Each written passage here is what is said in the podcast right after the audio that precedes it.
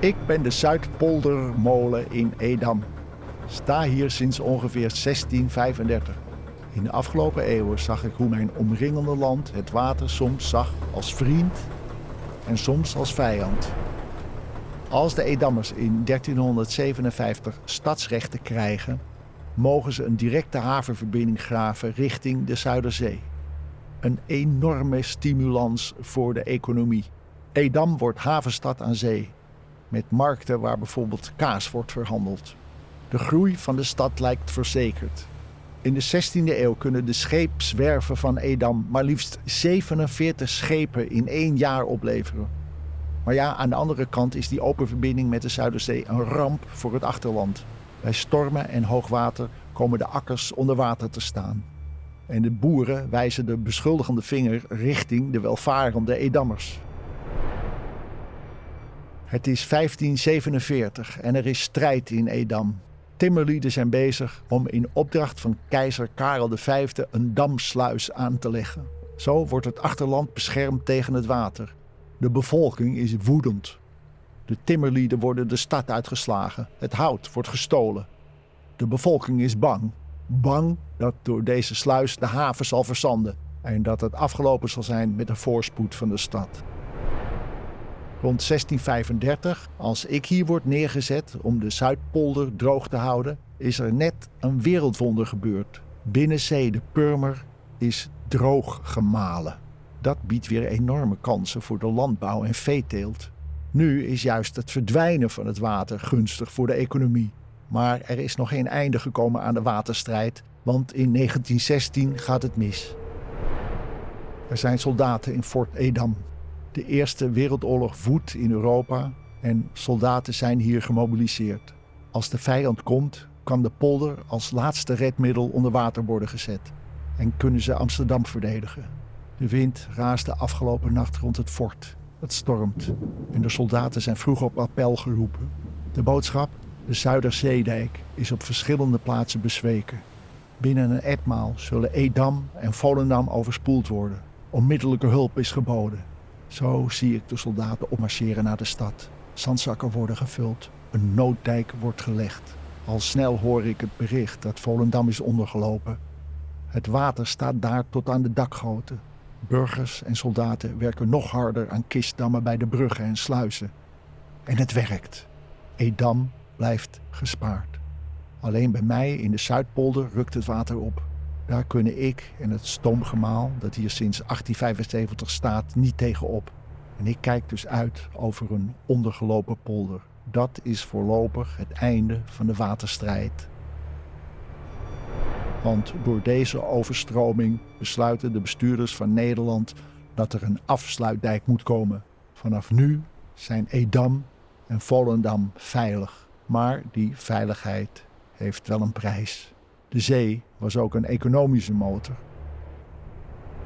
Op dit moment zie ik dat de dijken langs het Markermeer weer versterkt worden.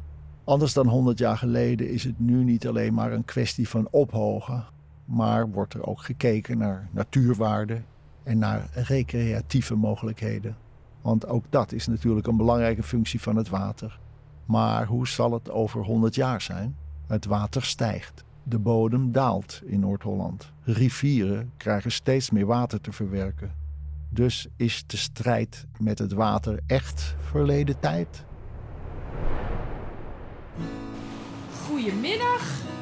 Ja, goedemiddag. Hi. Hallo. Wie ben Welkom. jij? Hoi. Ik ben eh, Mark Ravensloot, molenaar van de molen van de Zuidpolder hier in Edam. Hi Mark, ik ben Roos. Wat leuk dat ik even langs mag komen. Ja, Ja, nou je treft het. Vandaag een mooie dag. het is eh, een fikse wind, hè? Ja, Ja. als molenaar eh, heb ik geen klagen. Nee, je kijkt eh, met pret oogjes. Ik zie het al, inderdaad. Ja, zoals je hoort, de molen die staat, staat flink te malen. Dus ja, het is, eh, het is eigenlijk het, vandaag krijg je, krijg je te zien waar die werkelijk toe in staat is. Dus, ja, is nou, nou, ik zie die wieken ook. Ik kijk even ach- achter je door het raampje. En die zie ik wel behoorlijk hard eh, eh, eh, langs. eh, Oeh, kijk, oeh, we gaan nog harder. We stijgen op, jongens. Nee, dat zie ik niet. maar, en ik hoor hier binnen natuurlijk ook allemaal geluidjes. En hoor jij dit nog, of niet?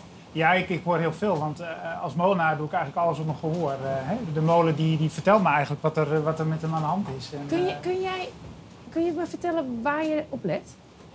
Nou, kijk, sowieso er zit een soort, een soort cadans, een soort ritme in de molen. En een aantal geluiden die horen er gewoon bij. Een aantal geluiden die komen op het moment hè, dat die molen een bepaald toerental eh, eh, draait. Ja. Dus een aantal geluiden zijn heel bekend. Eh, maar als molenaar ben je vooral op zoek naar de geluiden die niet, Nee. niet standaard zijn. Soms kan het zijn dat het gewoon van buiten komt, hè, dat je, dat je molenzeilen klapperen. Dus dat zou erop kunnen duiden dat, dat de, de wind aan het draaien is. Dus dat, dat zijn gewoon hele dingen die eigenlijk direct actie vragen. Als de wind draait, hoor je de molenzeilen klapperen. Ja. Klinkt bijna als een soort levend organisme. Waarvan je af en toe dan een geluidje hoort. Dan weet Ja. iets. Nou, dat is het ook. Eigenlijk, het, Ja. kijk, het is een werktuig, dus het is één grote open machine. Ja. Je kan het zien als een, ja, het, is, het is niet een levend wezen, maar, Nee, het, het, het maar- komt wel tot leven. En, Het is en ook is, een verantwoordelijkheid natuurlijk, toch? ja, en het is ook het krachtenspel van de wind hè? en, en, en de, de elementen van de natuur, moet ik zeggen. En, en, en dat vind ik ook wel iets op het moment dat je erin woont. eh, eh, eh, weet je als geen ander eh, hoe, hoe sterk die elementen kunnen zijn. Want wij Ja. liggen hier soms regelmatig in bed te schudden en te doen. En eh, wat ook mooi is, met, met storm gaan we eens boven in die molen kijken. En dan denk je van nou, het is een starre constructie, maar alles bewe- beweegt en, en gaat heen en weer. En zo. helemaal tot leven. Ja, dat is waar. En het is ook zo, kijk, iets wat beweegt, hè, dat, dat, dat is meestal goed. Hè, want dan, iets wat star is, ja, daar kunnen barst of scheuren in ontstaan. Nou, die molen die is gewoon, gewoon aan alle kanten, die staat hier te schudden en te doen. En dat is ook tegelijkertijd zijn behoud. Want eh ongedierte en, en, eh, Ja. beestjes en dat soort dingen krijgen op die manier ook geen vat. Ja. Hè, maar, maar daardoor is het ook enigszins flexibel. En, eh, het is wel zo, kijk, zoals nu, vandaag een hele dag, dag malen. Hè, het heeft ook zijn nadelen. Kijk, eh, straks ligt wel weer het stof vaak op de bedden en, en eh, noem maar op. Als je flink stevig gemalen hebt. Ja. En dan zie je de sporen. En het, gelukkig is het meeste boven, hè, op de kapzolder, eh, wat eigenlijk buiten is. Maar je kan het ook zo zien straks. Hè, op sommige plekken waar, waar dan waar houtverbindingen zitten en zo. Nou, daar wil soms nog wel eens wat gruis en zo uitkomen. Ja. Dus, dus dat, dat, dat, dat heb je met de molen. Ja, goed, en dat merk je natuurlijk omdat je erin woont. Deze molen staat aan, eigenlijk aan de rand van een, van een woonwijk. Ja. Een vrij, moderne, keurige woonwijk met, met keurige tuintjes, zou ik maar zeggen. Ja, Eh, hoe was het hier vroeger, weet je dat? Nou, hier vroeger eh, was het een open ruimte. Eh, de huizen die daar staan aan de overkant die zijn in de jaren 60 gebouwd. Ja. Dat was ook in een periode dat de molen hier niet meer in bedrijf was.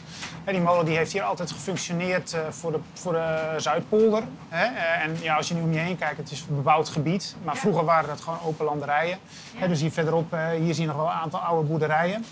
Eh, hè, en en het, het hele gebied was hier open. Je kon hier tot in de jaren 60 tot aan de zeedijk kijken. Eh, hè, en, en Volendam lag nog een heel eind die kant uit. Nu zijn Edam en Volendam aan elkaar eh, gegroeid. Ja. Voor de eeuwwisseling, de vorige eeuwwisseling moet ik zeggen, voor 1900 is er al een hulpgemaal naast gebouwd. Dus dat, Ja. dat is wat je hiernaast ziet. Hè. Hier. Hiernaast staat een huis en daarnaast staat een kolenloods. Het is helemaal opnieuw opgebouwd. Maar dat is eigenlijk wel de verwijzing naar de vroegere kolenloods. En daarnaast staat nog een oud gemaal. Mhm. En dat was toen het gebouwd is een stoomgemaal.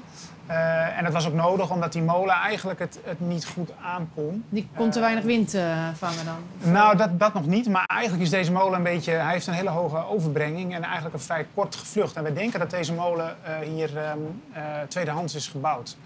Maar daar zijn voor allerhande aanwijzingen voor. Want deze molen is gedateerd op, op, eh, hè, op de, de kaart en zo. Want Edam is een stad, hè, de kaart van Blauw en zo. Je hebt allemaal bronnen. Dat we weten dat deze molen hier sinds ongeveer 1675 eh, gestaan heeft. Maar gezien de bouwsporen in de molen en, en de manier waarop die is opgebouwd, eh, hebben we aanwijzingen dat die ouder moet zijn. En in die tijd, rond 1600, eh, 1630, 1640, had je allemaal hier droogmakerijen die leeggemalen werden met molens. Ja. En vaak had je daar molens over, want men legde eerst daar een dijk aan en vervolgens eh, ging men het, het water in die eh, ja, vroegere veenderijen ging men droogmalen. Eerst had men veel capaciteit nodig om het water eruit te krijgen. En daarna had men gewoon een, een permanente bemaling. Ja. Dus waarschijnlijk is dit gewoon een tweedehandsje uit een van de Ah. droogmakerijen in Noord-Holland.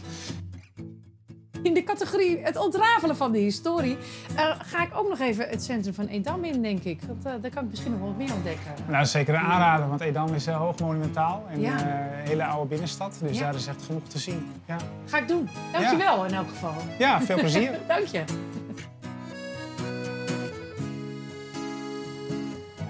Ja, nee, ja, hi. Hallo. Hallo, Hi. Wie ben jij? Ik ben Ingrid. Dag Ingrid. Ja, Het centrum van Edam, kan ik wel zeggen. Het, het, het, echt het hart. centrum. Ja. Wat leuk. Eh, ik heb begrepen dat jij mij hier van alles over kan vertellen. ja, zeker. Zullen we even gaan zitten? hey, vertel eens, waar zijn wij hier nu precies? We zijn in het centrum van eh, Edam, Ja. zijn we. En eh, die hoge brug, Ja. dat is niet alleen een brug, dat is een, ook een sluis. En ehm, ehm, is die sluis, is Edam een beetje om die sluis heen gebouwd? Of was Edam er al en is die sluis erin gebouwd? Nee, Edam was er al. Ja. En het gekke is, nu ligt Edam aan, de, aan het IJsselmeer of het Markenmeer. Ja. Want er is een, eh, een kanaal eigenlijk van Edam naar het Markenmeer. Mhm. Ja. Maar die is pas uit eh, 1357. ja. Dus daarvoor had Edam gewoon geen open verbinding met de Zuiderzee. Dus moesten ze eigenlijk via, ja, bij Volendam konden ze dan eh, het Markenmeer op. Ja. Of destijds Zuiderzee. Ja. Dus het was dus geen open verbinding met de Zuiderzee, oorspronkelijk. Ja. ja. Dus dat is nogal een verandering geweest. Ja, maar dat vonden de Edammers fijn, want die wilden natuurlijk ook een haven en ook veel aan scheepvaart doen. Ja. Dus daarom hebben ze op een gegeven moment toestemming gevraagd om het oorgat, heet dat, Ja. om die verbinding te maken met, eh, met de zee destijds. Op die manier. Hoe zag het er toen hier uit? Op zich ehm, was het echt zo'n vestingstadje. Mhm.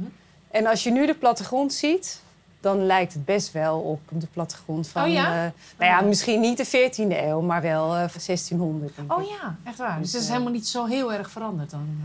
Je, als je het op elkaar legt, dan kan je nog best wel zien van... oh, dus daar liepen die stadswallen en... wat geest. ja, En wat heeft die leuk. verbinding met, met het Markermeer gedaan voor, voor Edam? Veel bloeien, bloeiende scheepvaart, Ja. handel. Ja. Ja, en dat was ook heel bijzonder, want aanvankelijk wilden de Edammers ook niet... dat hier een sluis werd gemaakt. Niet? Nee, Oh, dat wilden ze niet. Dus deze sluis was heel omstreden. We moeten eigenlijk even teruggaan in de tijd. ja. Nu zijn al eh, die polders, de Beemster en de Schermer en de Purmer, is allemaal droog gemaakt, Ja. drooggelegd. Ja. Maar in de 16e eeuw was dat niet het geval. Dus dat was gewoon eh, water. Water, Dus ja. er was heel veel water in Noord-Holland. Mhm. En hier was eigenlijk een open verbinding met die Zuiderzee. Dus wat gebeurde er? Bij eb en vloed had je getijdenwerking. En ja, dat werkte gewoon door in het binnenland. Nou ja, dat vonden op een gegeven moment de boeren in het binnenland niet zo fijn. Nee. Want eh, die hadden daar last van. Ja. Dus dat liep nogal hoog op. Want die boeren wilden daar iets aan laten doen. Ja. Maar ehm, de Edammers hadden zoiets van... ja, als we hier een dam maken of een sluis, een damsluis... Mhm. dan spoelt die haven niet meer zo lekker door, dan slipt die dicht.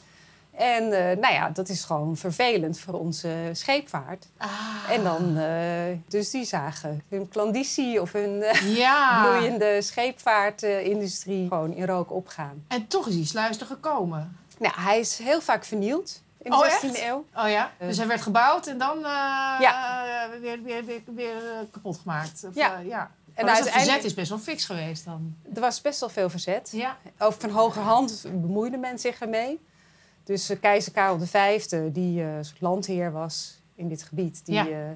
nou, die verordeneerde dat dat gewoon moest. Ja.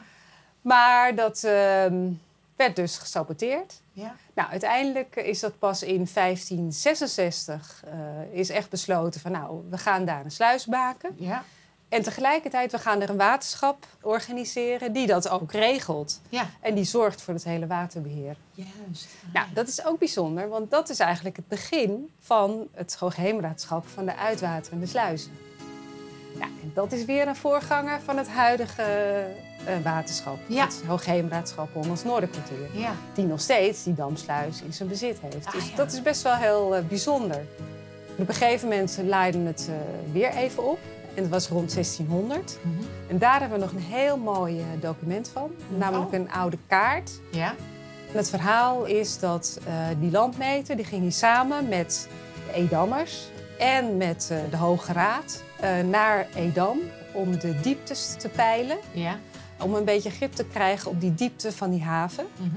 En dus eigenlijk als een soort bewijslast dat het wel eh, goed ging met die diepte. Dus Ja. dat het helemaal niet zo erg dicht slipte en dus dat het wel meeviel. En dat heeft mensen wel overtuigd uiteindelijk destijds. eh, Ja, ja. ik kan me echt voorstellen dat ze met z'n allen hier zo Ja. rondliepen om eh, op verschillende plekken die, eh, die dieptes eh, te, meten. meten. Ja. Ja. Maar het, is dus, het heeft een roemrucht verleden hier, zo in het centrum van de stad eigenlijk. Hè? ja. Ja.